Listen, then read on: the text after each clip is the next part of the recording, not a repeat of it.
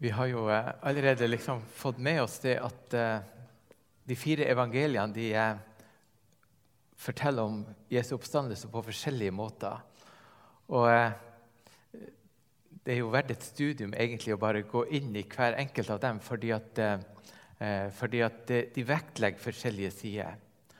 Og det er liksom en sånn ting som jeg tror vi veldig ofte i den tida vi lever i, der alt skal gå så fort, ofte går glipp av. Og det er det at også når vi leser bibeltekster, så leser vi dem ganske fort igjennom. Og når vi leser dem veldig fort igjennom, så hender det ganske enkelt at vi overser en del av de viktige detaljene som står der. Og Noe av dette har jeg lyst til å, å trekke fram i dag. I hvert fall noen detaljer som jeg dette året er blitt oppmerksom på. For det, det er sånn at det er ikke bare det er ikke bare sånn at jeg tenker at dere andre leser Bibelen fort. Men det er noe med, med Bibelen som, som, er sånn at den, eh, den, har en evne til å overraske likevel hver eneste gang du leser en tekst. Og det, det er noe spennende.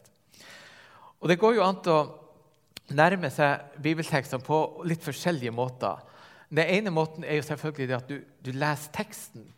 Men en annen måte som kan være like eh, spennende noen gang. Og jeg kan gi dere et eksempel på det. Det er hvis vi bare liksom lukker øynene våre, og så prøver vi å se for oss hva som skjer. ikke sant? Så hvis dere nå lukker øynene deres ikke sant? Og så ser dere for dere Peter og Johannes som er på vei og springer mot grava. Ser du noe? Ser du hvem som kommer først? Er det Peter? Nei, det er Johannes. Det er noen som har lest Bibelen her. ikke sant? Så de visste det. Det er faktisk Johannes som kommer først til, eh, til grava etter at kvinnene hadde vært der og fortalt dem at grava var tom. Altså, Vi må ha den riktige sammenhengen. Og jeg har lyst til å eh, bare rette litt oppmerksomhet både mot Johannes og mot Peter og mot Maria, og hvor forskjellig de egentlig opplever eh, møtet med den tomme grava.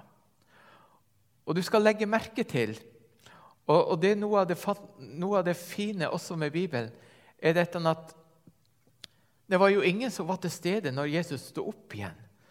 Så Bibelen har ikke beskrevet hvordan det skjedde i det hele tatt.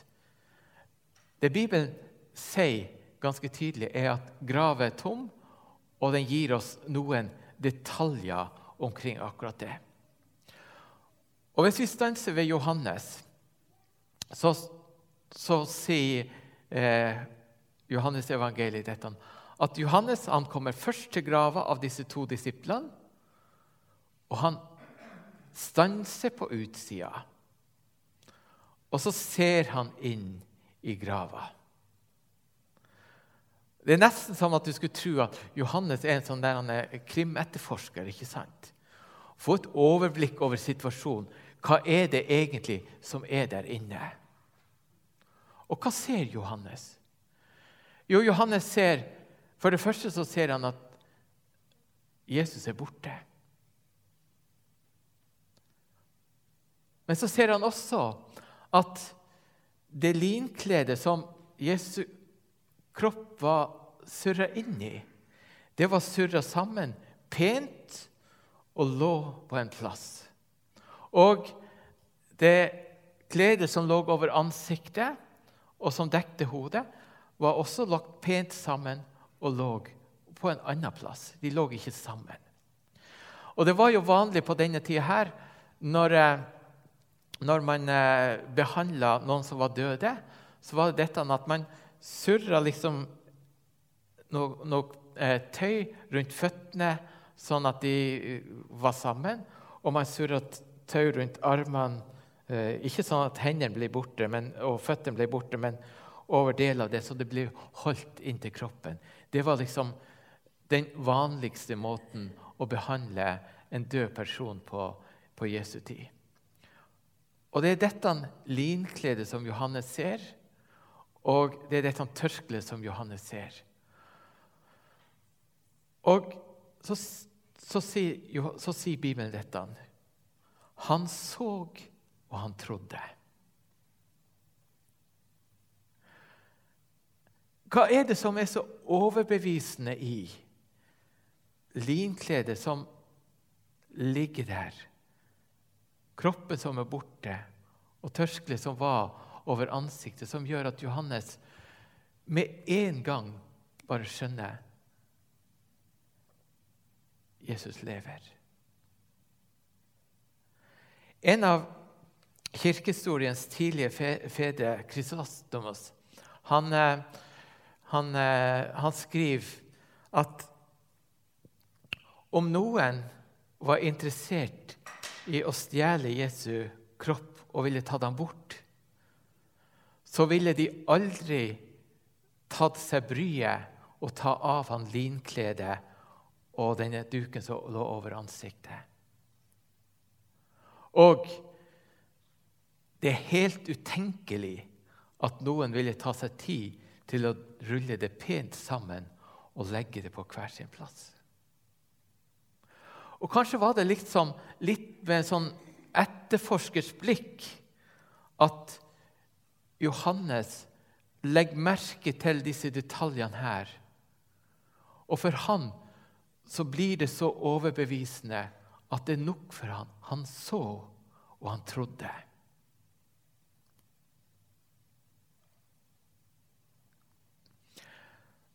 Men Johannes kom jo ikke alene til grava.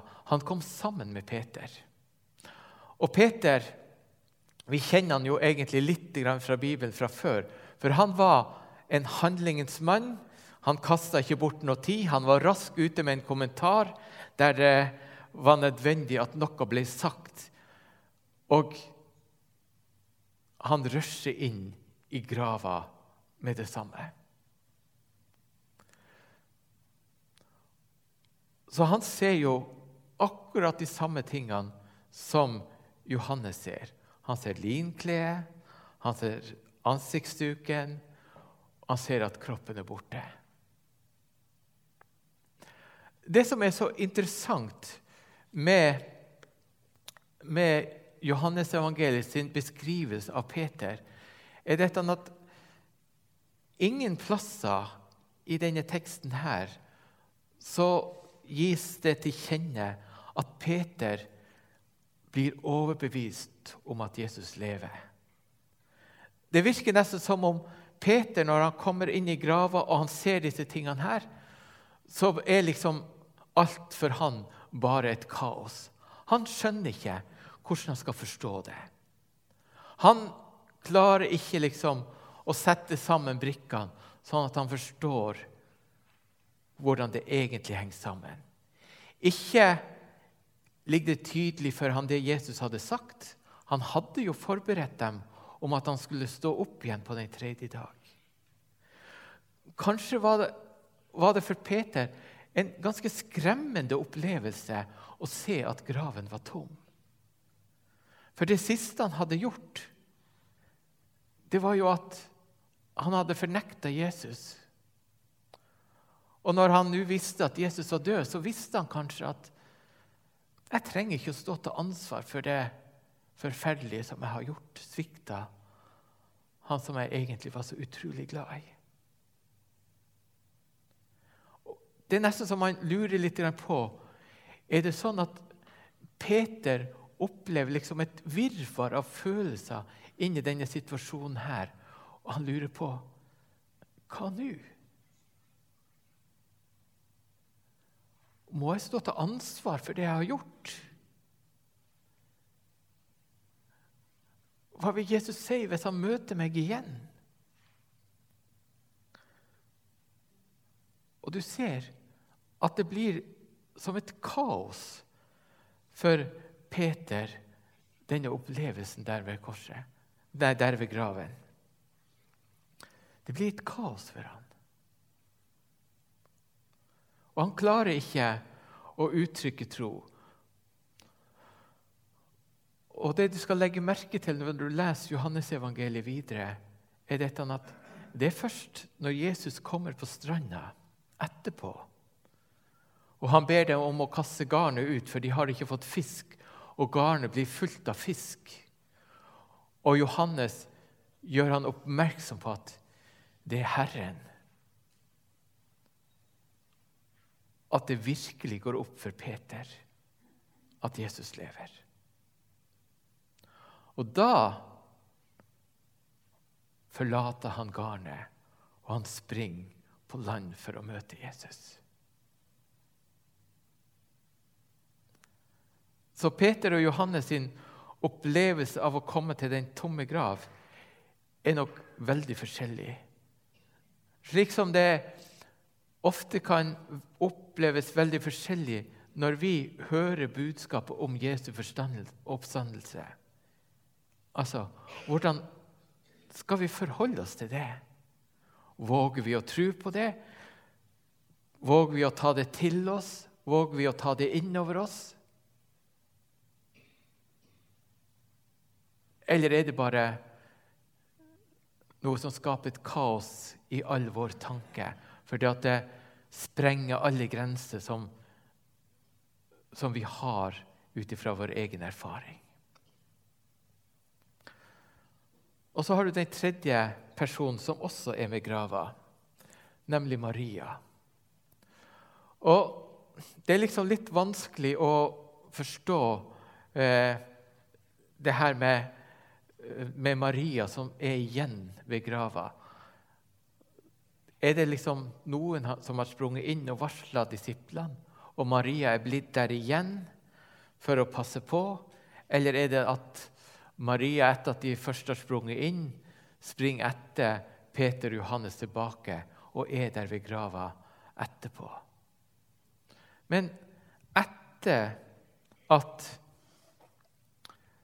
Peter og Johannes har vært i grava, og de har gått derifra, så går Maria inn. Så går Maria inn. Og Maria ser nok det samme som de andre, men hun ser noe mer. Hun ser to engler.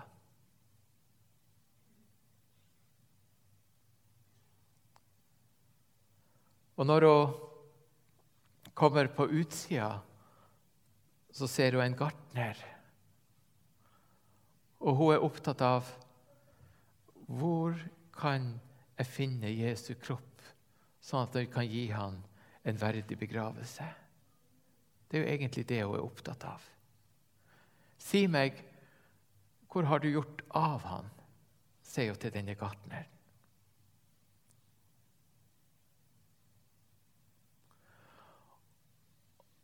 Og så sier gartneren det ene ordet. Han sier 'Maria'. Og når han sier det ordet, så er det liksom at det går et lys opp for Maria. Hun kjenner stemmen. Hun kjenner stemmen. Og Derfor blir jo hennes far Rabuni, mester. Altså, eller sagt på en annen måte Er det deg, Jesus? Det er akkurat som man kan tenke litt tidligere i Johannes evangeliet, når Johannes skriver om den gode hyrden og om hvordan Jesus sier det, så sier han det at mine barn de kjenner min røst. Mine barn kjenner min røst. Var det det som skjedde ved grava når gartneren sier Maria? Hun kjente igjen Jesu røst.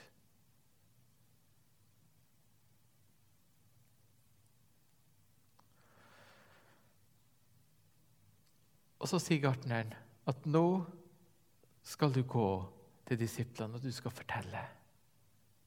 Du skal fortelle. Jeg går til min far og til deres far. Og igjen så, så ser du hvordan evangeliet har på en måte en utrolig dybde i det. For hva er det som Jesus sier til Maria? Jo, Jesus sier til Maria, 'Min far er din far'. Eller 'Vi hører til'. Vi er Guds familie. Vi er Guds familie.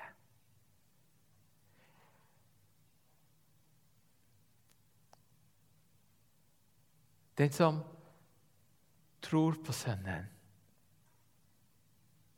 han er en del av denne familien. Guds familie.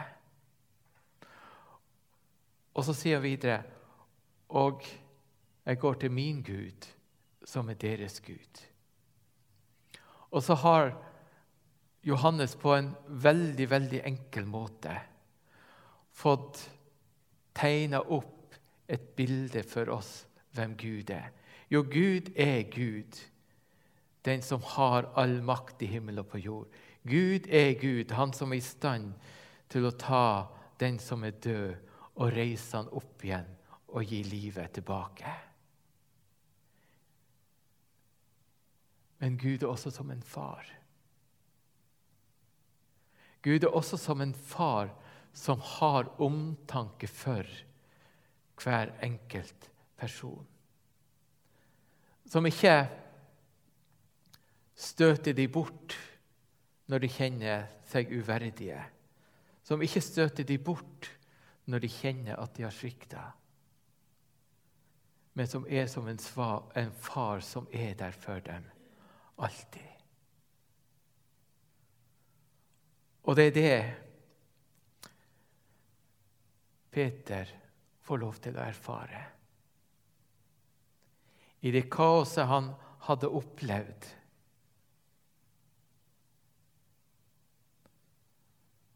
så får han lov til senere å stå ansikt til ansikt med Jesus. Og så får han lov til å ikke fornekte, men å bekjenne troa på Jesus. Jesus, jeg elsker deg. Jesus, jeg har deg kjær. Jesus, du vet alt.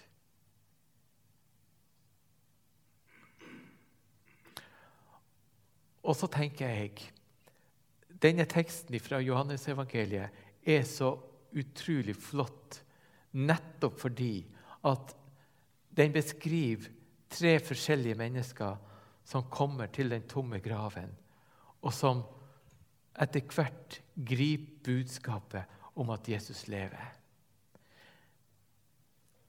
Men de griper det på forskjellige måter.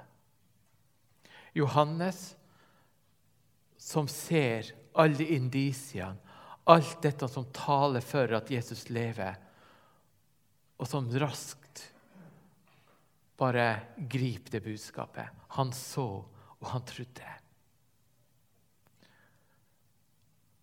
Maria som i sin sorg over at legemet var borte, bare var fortvilt. Men som fikk lov til å høre Jesus stemme. Maria, og som kjente Jesus' stemme. Og for Maria var det nok til å gripe dette at Jesus lever.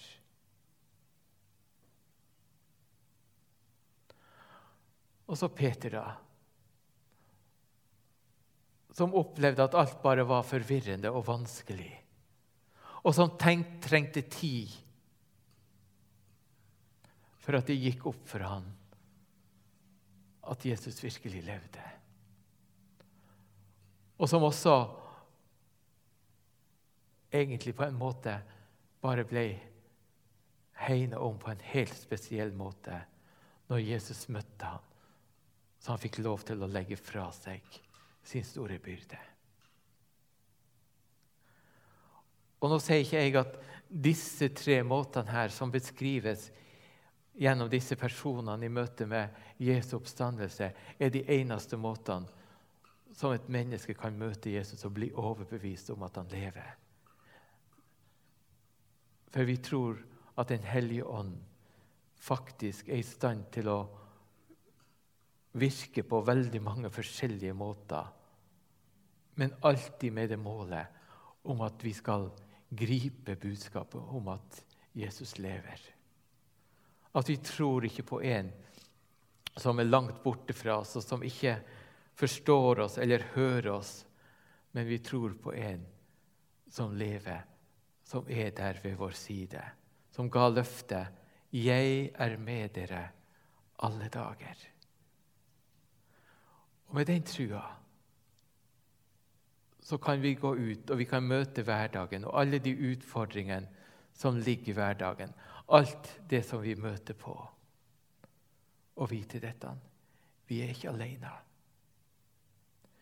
Vi har en far som har omtanke for oss. Vi har en Gud som har makt til å hjelpe oss i alt det som vi møter. Fra dag til dag, fra uke til uke og fra år til år.